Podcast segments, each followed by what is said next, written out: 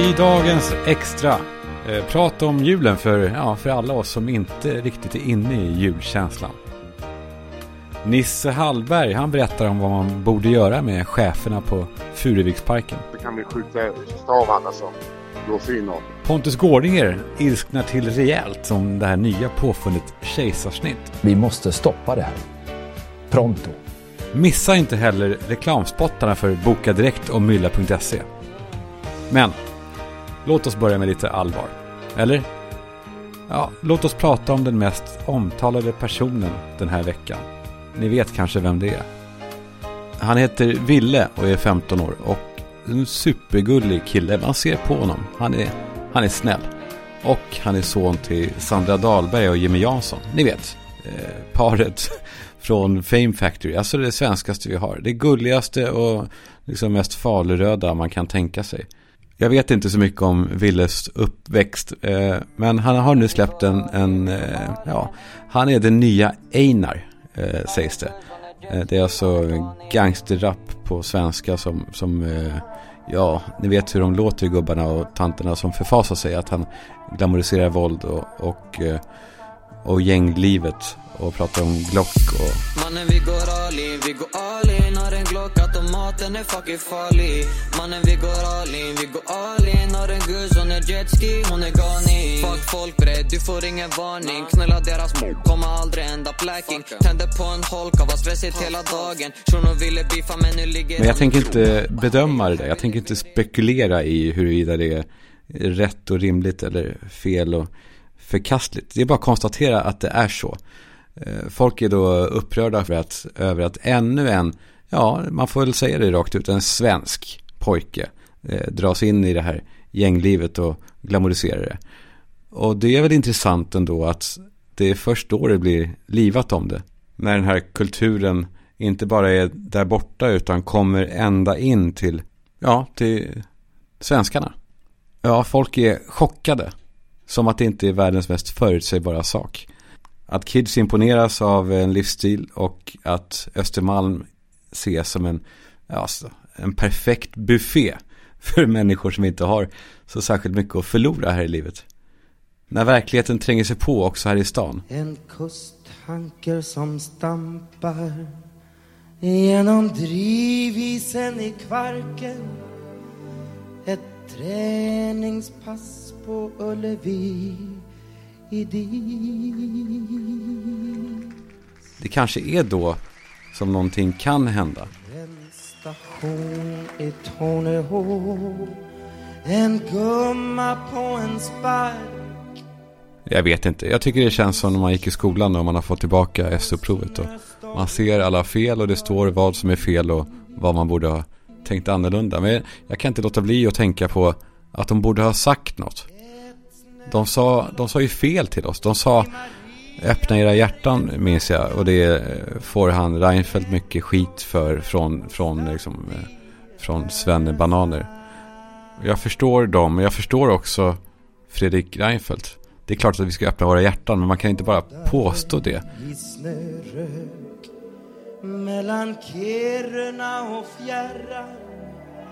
De borde ha sagt så mycket mera i anslutning till det. De borde ha sagt att det här, det här kommer inte bli vackert, men det är rätt sak att göra. Och de borde ha sagt att det blir inte värst i, i, i Stockholm city. För här finns inga tomma lägenheter folk kan flytta in i. Störst prövning kommer man ha ute i Sverige, inte här. Varför sa de inte det? Stora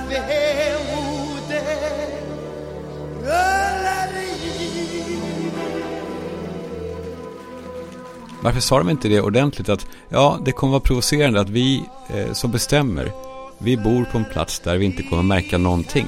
Jag bor ju här själv. Jag har, alltså, jag har ju inte märkt någonting av de här, liksom, de här problemen, utmaningarna, flyktingströmmarna och människor i utanförskap som, som, som beter sig.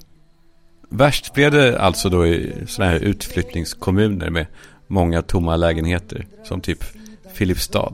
Där han som äger det här halvtomma hotellet såg en chans att fylla rummen och hyr ut hela skiten till Migrationsverket och så går det åt helvete och det det vanvårdas och förstörs. Och persienner på sniskan. Bion i Pajala ger den sista färden De borde ha fattat att det kommer bli livat om varför det ser ut att bara vara yngre, helt outbildade män som kommer hit. Analfabeter som kommer behöva många år av utbildning innan de kan börja jobba. De borde ha sagt att de här männen självklart kommer ljuga om sin ålder. De borde ha sagt det till oss. Ja, fan, det är väl inte så svårt. Det är klart att de kanske är outbildade, men de är inte dumma i huvudet. Vem hade inte ljugit om sin ålder om det hade hjälpt dem? Stora vemodet rullar in De borde ha sagt att de här människorna som kommer, de kommer göra vad som helst för att det ska gå runt för dem på smidigast möjliga sätt.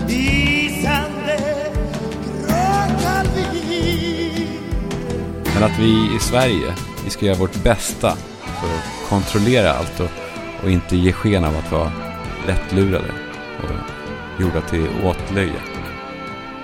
De borde ha sagt att det kommer se illa ut att politiker med 100 000 i månadslön inte behöver leva nära de där landsortshotellen där folk träffade sina livskamrater en gång i tiden och, som nu är ruckel som måste rivas. Radar fik i Docksta i motorvägens skugga En överdos på Skärholmens station Varför sa de inte bara det? Varför sa de inte att de lever ett liv där de inte ser verkligheten särskilt tydligt? Men att de ska göra sitt bästa för att försöka förstå ändå. Jag gör det. Vi är många här ute som gör det. Som gör allt vi kan för att förstå. Varför kunde de inte ha sagt det till oss? De borde ha sagt att det här kommer bli skittufft. Att de här människorna som kommer, de är desperata efter pengar. Och många av dem kommer begå brott. Men att Sverige ska göra allt för att såklart lagföra dem, som de säger. Lagföra, ett jävla ord. De borde ha sagt det.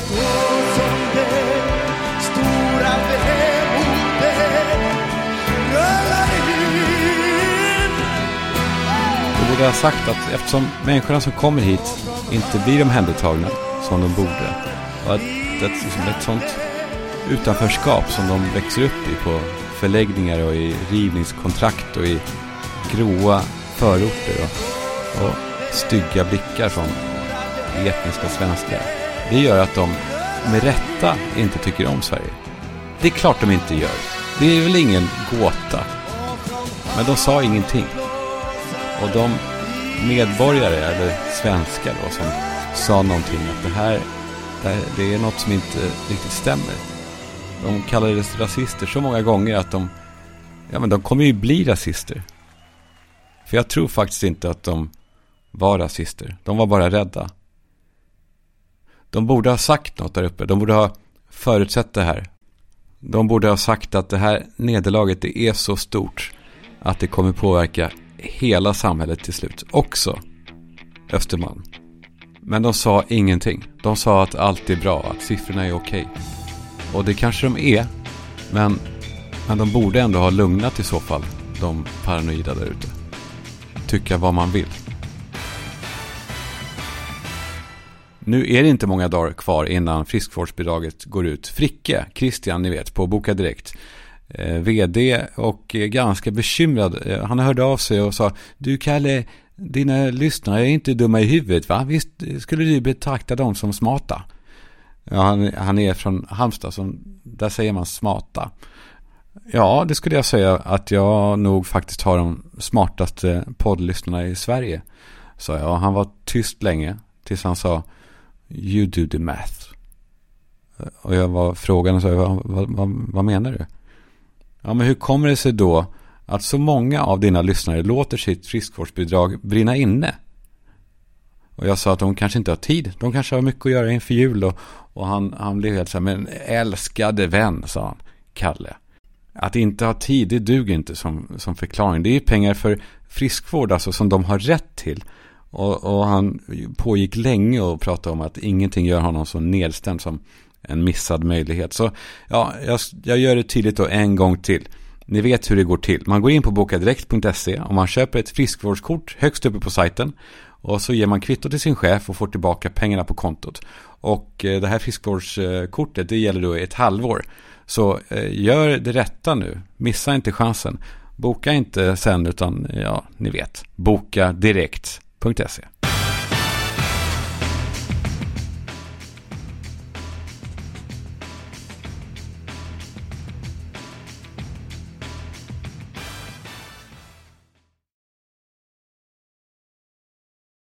Mylla.se. För det handlar inte bara om att ta ställning mot de här enorma matkedjorna som kräver att köpa upp maten från producenterna svinbilligt. Utan det handlar också om att ta ställning för de svenska bönderna. Och om man handlar och får hem mat genom mylla.se då får bönderna den lön som de förtjänar och som de måste ha för att, för att överleva. Det låter som att det här är bara ord. Det här är, det här är på riktigt. Och det blir inte ens dyrare för oss konsumenter. Så det som är grejen är att vi kapar alla mellanhänder och köper bra mat från svenska gårdar. Inte några diffusa tyska skitgrejer utan vi köper den bästa maten genom mylla.se. Så testa dem. Jag lovar att det smakar godare först i munnen och så känns det bättre i magen för man vet att man är med om en god affär för, för alla. Tack mylla.se. Ni gör det otroligt bra. God afton. Första gången jag utförde oralsex på en kvinna var när jag föddes. Det är ett skämt som vi brukar dra i sociala sammanhang inom familjen. Ingenting att ta på allvar. Men den där lustigheten om mamma och hennes kussimurra och hur jag lapade mig ut i frihet tangerar också till någonting som faktiskt ger mig existentiell svindel. Vi är till dags dato över 50 miljoner människor på den här planeten. Vi ser olika ut, våra referensramar skiljer sig från varandra. En del tror på Jesus Kristus, Lord Almighty, och andra tror på Satans helvetes jävla skit. Men en sak förenar oss och det är vårt biologiska ursprung. Vi började alla som ett litet frö i en puppa i moderns mage. Den här puppan briserade så småningom. Vi blev till larv. Larv blev till fjäril. Fjäril blev till biodynamiskt klägg. Och detta biodynamiska klägg blev till foster och vi föddes ut genom mammas hallongrotta. Vi har alla slickat mammas fitta, kan man säga. Det är inte bara naturligt och förenat med viss njutning. Det är också en mänsklig rättighet. Men så har jag hört om nyheter inom kirurgin som gör mig orolig. Informationen är fortfarande knapphändig, men enligt av varandra oberoende källor utförs numera operationer där man gör ett snitt i moderns buk och plockar ut fostret med sina bara händer. Det innebär ju i praktiken att barnen förvägras sitt första möte med mammas snippa. Kirurgin påstår att det är en operation som är nödvändig då Fiffi är för trång. Men det är naturligtvis bara teater och bländverk. Det här rör sig i själva verket om en verksamhet som lutar mot det okulta. Fostret är offret och operationen är blot. Och regissören bakom allt känner ni kanske till. Ja, det är satans helvetes jävla skit. Vi måste stoppa det här. Pronto. God afton. Vi är ju bara människor eh, på gott och ont. Det vi gör är att vi går runt här i livet och gör allt vi kan för att olja upp samtal och relationer. Vi försöker ställa rätt frågor och, och, och nicka som att vi har förstått när vi kanske inte riktigt har det. Vi är livrädda för att framstå som dumma eller okunniga. En sak har slagit mig sista halvåret. Det är då pratet om ekonomin och det låter ju i grunden så jäkla tråkigt.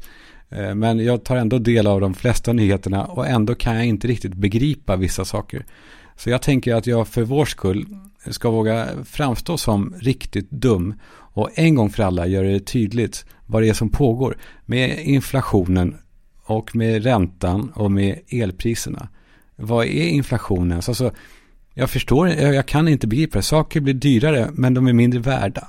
Alltså, eh, håll med mig nu tack. Var med mig i det här nu så att inte jag står ensam som en dumskalle. Eh, elpriserna, vad pågår? Alltså det kostar väl inte mer att göra el nu än för två år sedan? Vem får alla pengar för de här elräkningarna som kommer, alltså som kommer sätta så många i, i riktig skit i januari? Vart tar pengarna vägen? 20 000 extra från ett hus. Vem får dem? Är det inte de som ska ge tillbaka det i så fall? Eller är det inte så enkelt? Varför höjer de räntan och får saker att bli ännu mer kostsamt för liksom, oss medborgare? Ja, jag tänker att jag ringer någon som kan den här skiten. Siri Isaksson, eh, filosofidoktor och djupt kunnig i den här typen av ekonomiska frågor.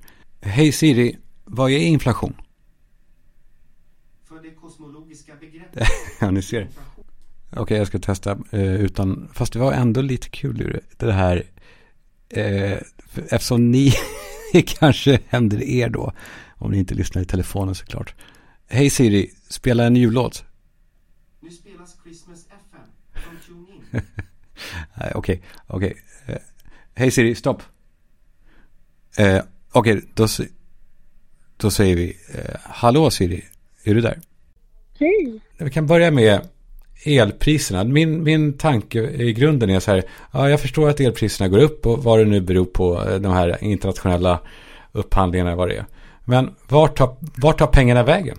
Om vi tar det väldigt förenklat så är det ju staten som man tänker sig borde få pengarna. Jag försökte prata med folk som också forskar på el och så, är att ingen riktigt vet. Jag tror inte det liksom är solklart. Men eh, det enkla svaret är att staten borde tjäna väldigt mycket pengar på det här. Men eh, det verkar inte vara så enkelt som jag hade hoppats. Men det, det är otroligt ändå, för det är så här gangsterfilmer så är det alltid så här, vem är skurken? Ja, just follow the money. Mm -hmm. ja, men alltså jag tror att man kan sätta sig ner och försöka ta reda på det mer ingående. Men det var inget enkelt svar i alla fall. För att jag menar, eh, min första tanke var liksom att om det är brist på el och så, då kanske vi har höga kostnader och att ingen tjänar på det. Men jag tror att det stämmer. Alltså, vi importerar ju EU-priser så det är ju inte dyrt att producera vad jag förstår i Sverige. Sen kan ju priset också visa liksom på knapphet i södra Sverige och det har kopplat upp oss mot EU så. Men just vart de där pengarna tar vägen verkar ganska oklart. Det är ju många familjer som kommer eh, det fruktansvärt, inte bara tufft utan ja, men det blir kronofogde och så. Alltså hur kan man låta det ske i ett land som Sverige? Ja, så då måste man ju tänka kring eh, vad som är alternativen då. Eh, och eh, om man bara tar en kontrast. Alltså i Sverige har det ju varit ganska oklart liksom hur det ska bli med de här elstöden och så. Men om vi tar Norge då som exempel så har man ju då valt att eh, staten går in och stöttar upp 90 procent eh, av priset när det går över 70 öre. Så det som har hänt i Norge är att vi har ju exakt samma priser i Norge som vi har i Sverige. Alltså där jag bor, jag bor i södra Norge så att det är också de här höga priserna. Eh, bor du i norra Norge så är det en annan historia. Men det man har gjort där då är att man har sagt att staten går helt enkelt in och betalar liksom eh, överpriserna. Så problemet då är ju att liksom, de här priserna är ju där av en anledning. Och eh, vi har dessutom inflation. Så att det är liksom, det kanske är tufft att säga men det, alltså, just nu så ska vi känna oss fattiga. Det är krig i Europa, det är eh, liksom kallt, det är, det är elbrist, det är eh, liksom gasledningar som har stängts av och så vidare. Och då, priser är i princip liksom en informationsmekanism. De ska säga så här, aj, aj, aj, nu ska du konsumera mindre för nu är det dyrt. Det visar på knapphet, det visar på att liksom, eh, utbudet är mindre än vanligt. Men då om staten liksom går in och sänker det här priset artificiellt, då får du ju inte den effekten. Ehm, så det är ju en anledning till eh, att jag tycker att det är bra då att vi inte har samma typ av elstöd i Sverige. Staten har egentligen inte så mycket emot då den här eh, prisuppgången på el för att det också dämpar vår köpförmåga. Um, ja, det beror nog på vem du pratar alltså med. Jag tror att pratar du med Riksbanken och folk som är opolitiska och så, så tycker de nog att det är bra. Um, men är du till exempel, ja, förlåt, men Johan Persson då, så tycker du nog att det är dåligt därför att det här ser ju inte alls bra ut och det kommer ju inte lösa sig inför nästa val, det tror jag verkligen inte. Uh, och då vill du ju fiska röster och då kanske du vill ha mer kortsiktiga lösningar. Eh, så det är, klart att, det är klart att vi skulle kunna göra en sån modell som de har i Norge där staten går in och tar eh, 90 procent av elpriset. Och så är det som att vi inte ska märka av då att vi är i en krissituation.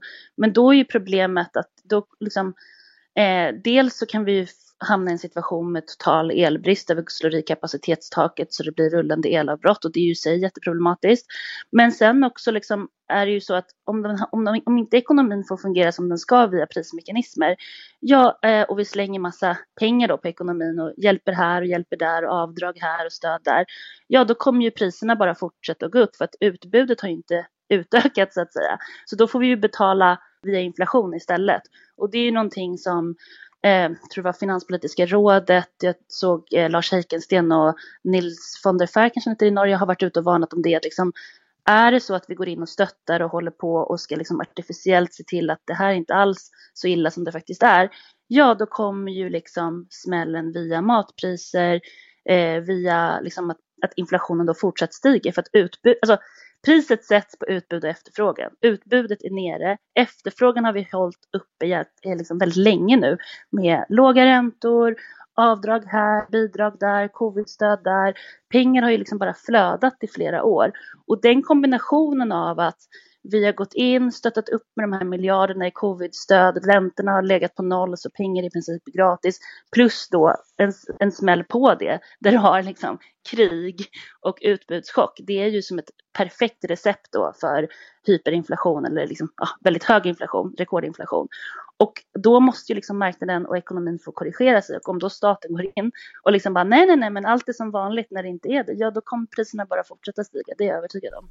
Men ja, jag, jag förstår. Men då, det är väl också då anledningen, då kommer vi in på de andra frågorna jag hade om, om eh, räntan och inflationen. Allting går ju hand i hand. Men, men då höjer man då räntan för att eh, ytterligare dämpa, alltså egentligen för att sänka oss svenskar och oss medborgare att ni ska inte ha råd. Vi ska tvinga affärerna att sänka priserna för att ingen ska köpa något. Är det, är det, är det så? Eh, ja.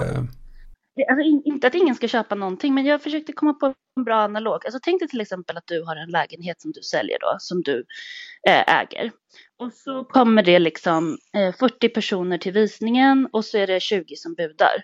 Då är det klart att du får liksom ett högre pris på den lägenheten än om det kommer liksom 20 på visningen och 10 som budar. Och om de, pengen, om, om de personerna dessutom då har mindre pengar att röra sig med, för att när räntan går upp, då liksom går ju amorterings, alltså det du måste betala varje månad, bolån, allt det går ju upp och det dämpar ju priserna. Jag tycker egentligen bostadsmarknaden är ett väldigt enkelt sätt att förstå det här. För det är klart att, jag menar jag köpte lägenhet för två år sedan nu och då låg ju räntorna på noll. Det betyder att mitt bolån då gick väl på kanske 7000 Att jag då kunde buda mycket högre än till exempel idag då, då bolånet går på 13 000 eh, i månaden. Eftersom att man räknar in liksom, hur mycket jag har råd att betala utifrån min lön och så vidare. Eh, så det är ett perfekt exempel då på hur räntorna eh, i princip då sänker prisökningstakten i ekonomin. Tycker jag i alla fall. ja, jag förstår. Men jag tänker bara också utifrån mig själv som, som svensk eller som konsument. Att om man drar den liknelsen, då blir det med en bostad då. Då blir det som att Eh, jag är hemlös, jag måste ha en lägenhet. Eh, staten skjutsar in råttor, mögel, eh, vattenläcka i den här bostaden. Jag måste ha den ändå. Ja, fast då tycker jag det är lite dramatiskt. Alltså jag tror att det man behöver idag, det som alla behöver i Sverige idag, det är väl liksom eh, mat, ett ställe att bo på, eh, värme då, eh, för att det är liksom kallt och sådär, och ren luft och sådär. Och problemet är att så här, om du så här, för, för, för, för liksom medelklassen i Sverige som äger bostad och så vidare så kanske det handlar om att ja, man kanske får bo lite mindre, man kanske inte får ut exakt det priset som man hade hoppats, man kanske inte kan bo på Odenplan utan måste bo liksom, eh, vad vet jag, i, på pendeltågslinjen, vilket verkar vara allas värsta mardröm. Alltså det handlar inte om att bli bostadslös, det handlar ju om att liksom, anpassa sig till den rådande ekonomin. Men om man tänker så här, om man då istället skulle gå in och stötta de här människorna och liksom nej, nej, nej, men du ska få precis samma pris på ditt boende som du fick förut och vi skickar inte in de här ränteråttorna och så vidare. Ja, då fortsätter ju liksom Eh, priserna öka i ekonomin generellt. Och då måste man ju se till vilka som slås ut då. Ja, det kan man ju tänka sig om liksom mat blir 20, 30, 40 procent dyrare. Det är ju inte bostadsrättsägarna då. Det slår ju, alltså, den allmänna inflationen, den slår ju hårdast mot de som har minst. Eh, så det är därför i alla fall jag inte tycker att det här är särskilt problematiskt om liksom eh, folk som du och jag inte kan bo på Odenplan och få ut x antal miljoner för våra bostadsrätter. Det håller jag helt och hållet med om. Men jag tänker också på en, en eh, eh 55-årig kvinna en kvinna som bor eh, utanför eh, Mariestad. som, eh, som inte får det att gå ihop, som inte kan spara in på elen, som inte kan eh, heller sälja med mindre risk än att hon går förlust. Och som inte har råd med, alltså jo, de, har, de överlever ju såklart. Men är det, tycker du, i sin ordning? Alltså är det, jag är helt för, öppen i det, det kanske ska vara så. Så hon, i det här exemplet så tänker du att hon är en bostadsägare som blir tvungen att sälja sin bostad för att hon inte har råd med bolånen? Eller att hon eh, kanske kan bo kvar men eh, elpriserna gör att, hon, att, alltså att det kommer gå fel. Hon kommer inte ha råd. Jo, men så som jag ser på det så hänger ju allt ihop i en ekonomi. Så går vi in och subventionerar elpriserna, då går liksom matpriserna och alla andra priser upp istället. De som har stora hus, de som har liksom bubbelpool eller spanläggning eller vad det nu är, de som liksom står med väldigt stora elräkningar generellt, elbil och så vidare, det är ju medelklass, övre medelklass. Så att ska man gå in och liksom då subventionera elpriset för folk så att de inte bet behöver betala hela, då kommer det bli vad vi kallar en regressiv omfördelning, det vill säga man tar från allmänna skattemedel eh, som där, där vi alla betalar in och fördelar så att de som redan har mest får mest. Det tycker jag är logiskt, för att liksom, vem bor i villa, vem har elbil, vem har alla de här sakerna? Och då måste man ju fråga sig, okej, okay, givet den situationen vi är i, där matpriser och så vidare har gått upp, är det liksom då den rimliga omfördelningen? När det dessutom då såklart eldar på ekonomin. Så att den här kvinnan som är 55 och då kanske liksom har elbil eller hus med hög elräkning och så vidare. Ska vi liksom subventionera henne då så att hon går ut och handlar lika mycket som förut och driver upp priserna?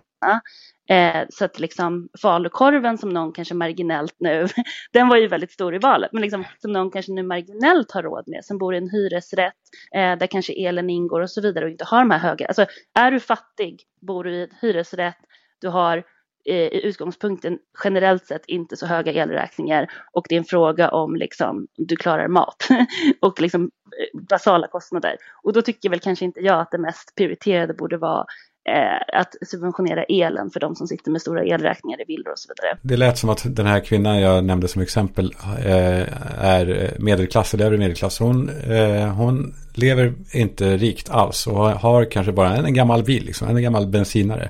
Det, det, det, det var vad jag tycker så synd. Jag ömmar för alla dem, för de är många och de är inte så att de skriker efter, efter eh, efter gratispengar. Utan att de bara, att de sakta men säkert, eller ganska snabbt men säkert, går, und, går under nu. Fast jag kanske är dramatisk.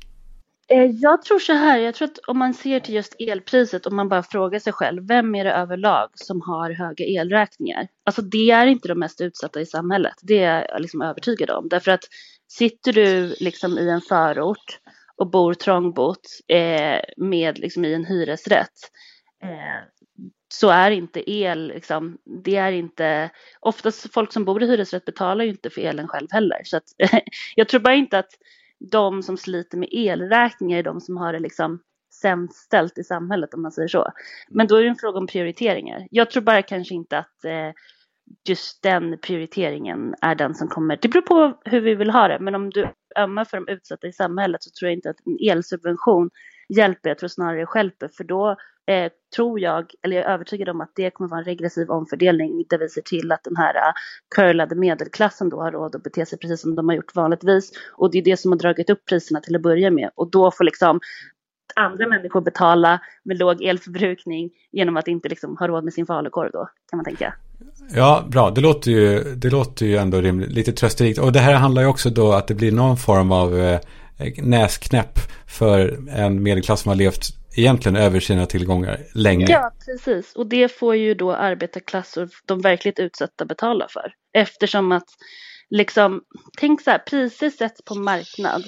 Så att om det är liksom, om det är 20 000 som vill köpa den här falukorven och det finns fem falukorvar, då blir priset väldigt högt. Men om det finns liksom 20 000 falukorvar och fem som vill köpa så blir priset närmare noll. Liksom. Och det är ju när man ja, går in i mataffären och de bara i princip ger bort saker. Och sen så tänker vi oss att okej, okay, nu har vi varit i en situation där pengar i princip har varit gratis för räntorna har legat på noll. Vi har fått stöd här, stöd där. Folk satt hemma och liksom häckade i flera år. Och liksom, speciellt den här curlade medelklassen som jag har svårt för, men som jag själv tillhör, eh, satt hemma och glodde och spenderade inga pengar. Okej, nu är pandemin över. Den här, liksom, den här klassen då har liksom hur mycket pengar som helst att spendera, går ut och köper till höger och vänster, upp och ner och så har vi liksom utbudschock och så har vi hyperinflation. Och det är de fattigaste i samhället som får betala för det. Men ja, det, det precis det är det ju. Men, men de kommer få en, eh, de kommer få en, en tuff 2023. Den här eh, med, med lata, vad- curlade medelklassen, låter det som ändå. Eh, ja, men jag tror att vi framförallt i Sverige har varit eh, överbelånade. Alltså folk har liksom överbelånat sig. Om man lyssnar på till exempel Lars EO så har ju han varnat hur länge som helst för att det här kommer liksom bli en bostadsbubbla. Folk har suttit och budat eh, liksom precis på gränsen för det de har råd med. Och jag kan tycka så här, alltså jag vet inte, det är klart att det är tråkigt om folk inte har liksom den kompetensen att förstå att man inte kan sitta med rörlig ränta och liksom buda precis till, till absoluta gränsen för det man har råd med. Men då tycker jag att man kan ta den smällen själv och inte liksom bli utbailad av staten så att man då liksom kan fortsätta med den här, leva ut över sina tillgångar och driva upp priserna för resten. Eh, den här stora gruppen människor har, eh, har kanske inte varit med om en tuff tid förut och har trott att det är normalt att allting bara går bra. Och de, fatt, de, har inte, de har inte varit tacksamma under tiden utan bara kört på, vilket då någon kanske borde ha flaggat mer för att det här är på lånad tid. Jo, fast det där är ju när jag tycker att ändå Sverige kan vara lite av en liksom, dagisverksamhet för vuxna. Alltså, det är ju liksom, eh, jag menar, herregud, 90-talet var inte så länge sedan och resten av världen lever i liksom krig och fattigdom och det ena med det andra. Och har man inte förstått att det kan hända saker hemma också så, ja, då är det väl dags att man gör det nu, tänker jag. Det är mycket bra. Det här var så jävla givande, Siri. Ja, alltså jag har, det här, alltså, jag, jag har många åsikter om det här, men alltså det, jag, det, jag, jag, jag tror att eh, det, det, det, det är i alla fall så här jag tänker kring det. Du, du är för, eller för, du konstaterar att nu- det man gör nu är att man rycker plåstret. Det kommer bli svida i början. Ja, stålbad. Stålbad för den överbelånade medelklassen tror jag på. Ja. Tiden får utvisa. Tack snälla Siri. Ja, ha det bra. Är julen den mest komplicerade högtiden av alla? Jag tror det. Eh, för den är så uppenbart liksom påklistrat underbart fröjdefullt Till skillnad mot alla andra högtider som, som är, är mer tveeggade. Eh, julen är, ja vad är det de säger? Kärlekens högtid. Jag önskar att jag kände som många andra. Men ja, nu vill jag inte bli någon sån som kommer och häller smolk i glöggkopparna. Vad är smolk ens egentligen? Jag ska kolla. Det så lär vi oss det allihopa. Jag ska se. Eh, Smolk är dammkorn, stoft, småskräp, partiklar. Ja, eh, okej. Men jag fylls av så jäkla motstridiga känslor när jag eh, hör den här killen prata innan om sin julkänsla. när man gör ordning för eh, julafton. Så man pyntar och gör ordning och smakar på skinkan och kanske tar eh, en glögg. Så det, då är det jul. Ja, då är det jul. Otro. Man blir glad av, av dem. Och så ser jag mig själv i spegeln och ser en, en jullös liten pojke. Som inte alls liksom är, har kommit in i det. Och jag försöker analysera mig själv varför det är så. Och kommer direkt såklart, ja det är väl antagligen då en känsla av liksom, utanförskap då. Eh, I en light bemärkelse. Eh, alltså någon sorts avundsjuka på alla andras uppenbara samvaro och familjefrid. Men jag fattar ändå att det är svårare än så. Eh, min jul i år är ju någonting helt annat. Barnen är borta varannat år och i år är det så. Och vi ska dessutom flytta. Och jag kan liksom inte förmå mig själv att ta upp lådorna med julsaker från, från källaren. Eh, Tom Allan han har pratat i veckor om att vi borde ha en gran såklart. Han är ett barn, han är i den perfekta julåldern och jag har bara undvikit ämnet och till slut tröttnat på det och, och sagt att vet ni vad, den här julen så blir det ingen jul eh, på Rörstrandsgatan. Eh, ni ska ändå fira, nej, jag vet inte exakt hur jag sa det, jag var nog lite mjukare och var lite mer, jag kanske var lite mer förslagsvis, eh, så här lite mer positiv. Hörrni, ni, vet ni vad? Eh, vi, vi tar en extra jul den 27 eh, när, när man slipper att ta upp all skit. Men han såg så besviken ut att jag en morgon innan han vaknade sprang ner i källaren då och hämtade upp en sån här, en sån här julby, en sån här, du vet, som lyser.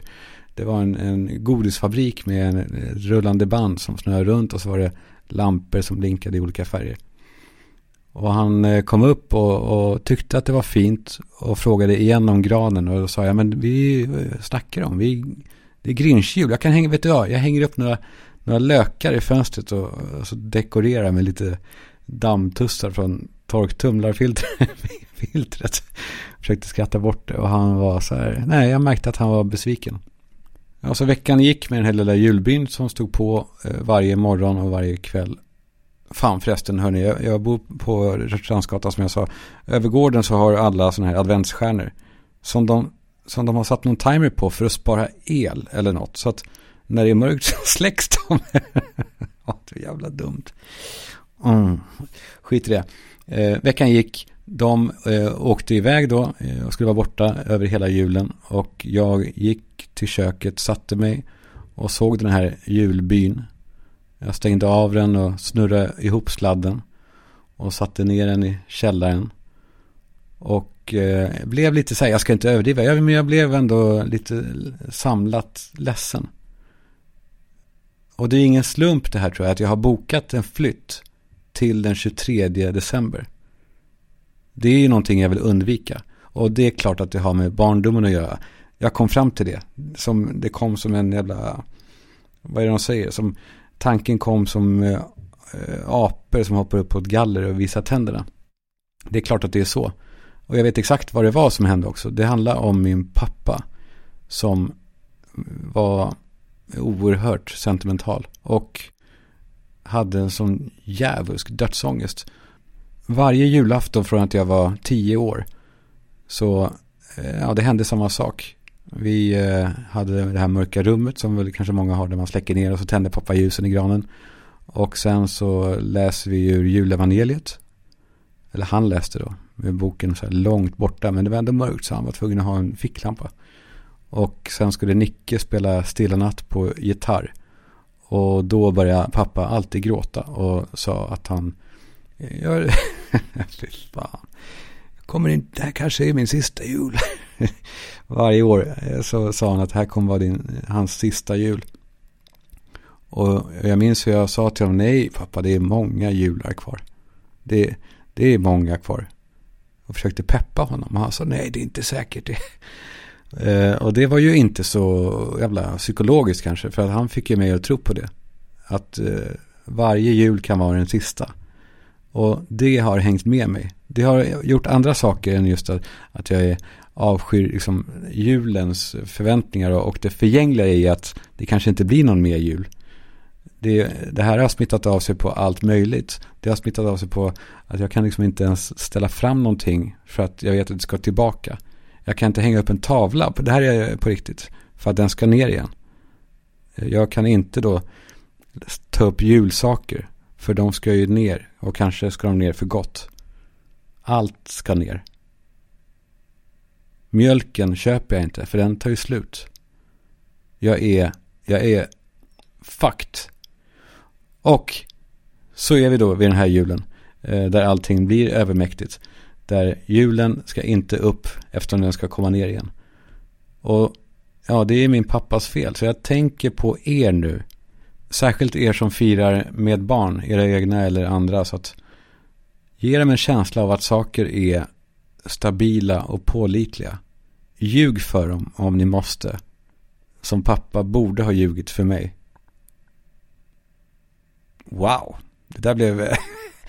ja, drar jag ner är i mitt skit också här. ja, men när vi ändå är inne på skit då. Vi måste ju ändå nämna Furuvik-haveriet. Eh, vi vet ju alla vad som har hänt. Det var schimpanser som rymde. Man sköt så många man kunde av dem. Man kallade in eh, de mest skjutglada typerna i trakten. Och eh, ja, man gjorde en liten massaker på, på schimpanserna. Och satt på pass. Och nästan ville att de skulle rymma för att man skulle få sätta en, en kula i dem. En hagelsvärm i, i plytet. Eh, sen kommer det fram nu i rapporteringen att det var inte bara då schimpanserna utan tidningarna ville ju hitta mer, hitta nytt. Så då rapporterar man att ja, i, den här, i det här tumultet så fick någon av schimpanserna tag på en eh, sköldpadda som, som den eh, tog sönder och den fick avlivas. Och två fågelspindlar fick sätta livet till och står det så här i, eh, så här står det. även två fågelspindlar och sex snäckor har avlidit. Eh, det är ju någon form av fortsättningsangrepp. Men skitsamma, vi ska inte gå in på det. Det är två saker som dröjer sig kvar hos mig. Det ena är den här tossan eh, Annika Troselius som är en kommunikationschef på, på Furuvikskoncernen. Och ja, de är, det är samma ägare till alltihopa. Det är en miljardindustri som gör flera hundra miljoner kronor i vinst varje år på eh, bland annat då på inlåsta djur. Det kan man ju eh, diskutera eh, lite i öppna grupper. Men i fronten av deras imperium så står då Annika Troselius och gör allt, verkar det som, för att bli en, en ny Lottie Knutsson. En, en trygg famn att stå i mitt i krisen. Jag tror nog att hon hade den förhoppningen att det skulle kunna bli så. Eh, jag tänker på mycket hur hon uttryckte sig. Men, men det som hände sen när hon märker att fan i mig, den här stormen, den bedarrar inte direkt. De kör på. Trycket blir hårdare och hårdare.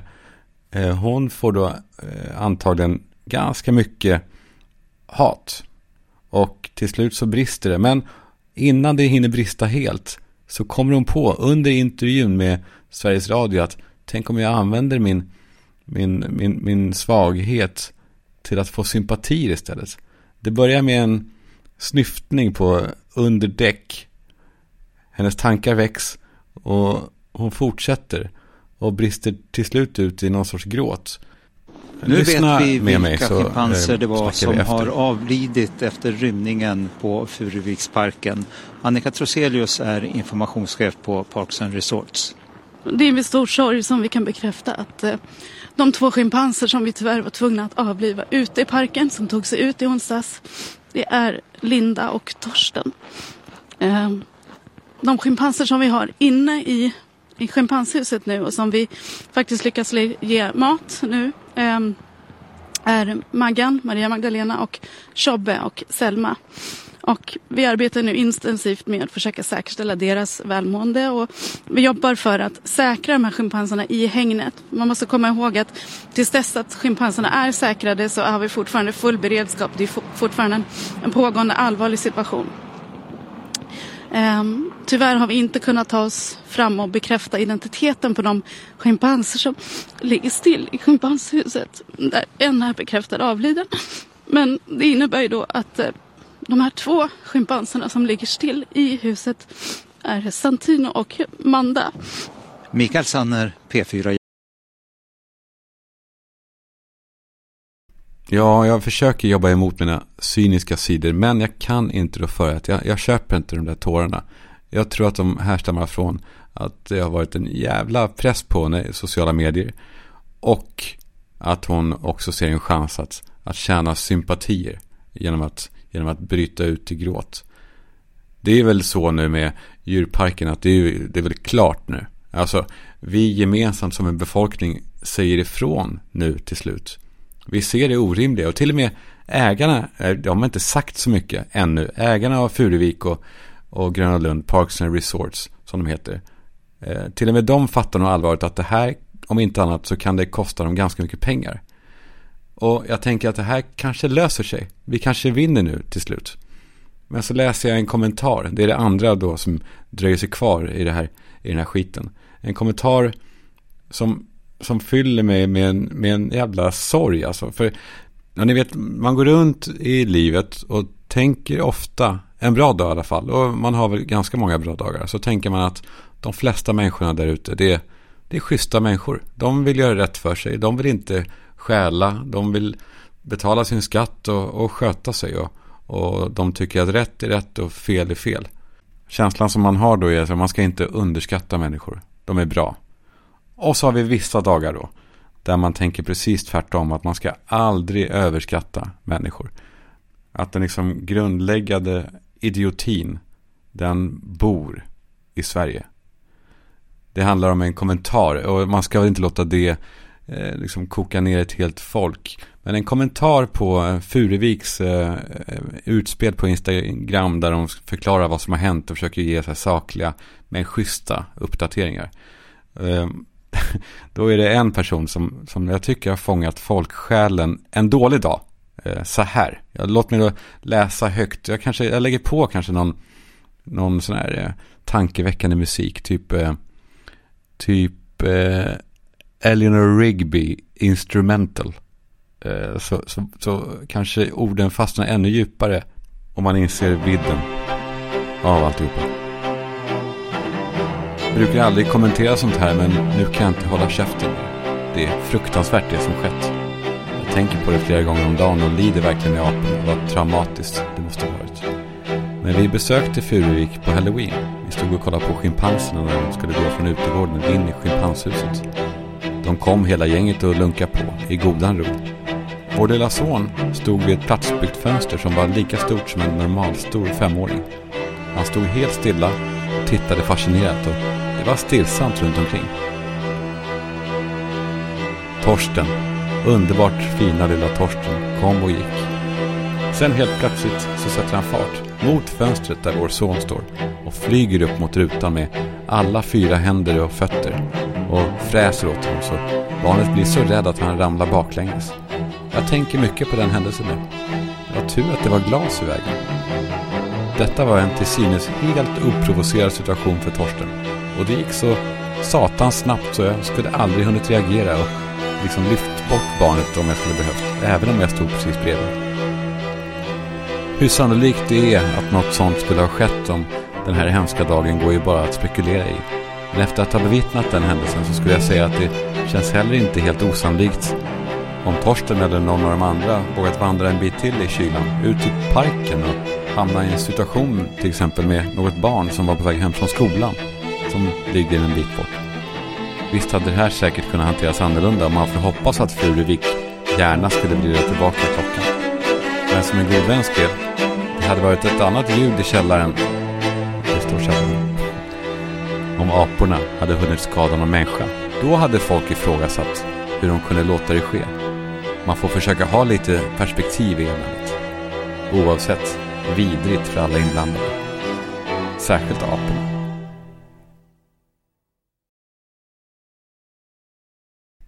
Ja, där har vi det. Det säger väl kanske något om att vi kanske inte ska ha vilda djur inlåsta till folks eh, underhållning. Hur som helst, i måndag så hade då gänget på Furuvik eh, tydligen en minnesstund för aporna. Alltså, det var ju de som avrättade dem. Skulle sen stå med, med safarihatten över bröstet och eh, ta en tyst minut. Det är, det är magstarkt. Det är, eh, det är content. Det måste man säga.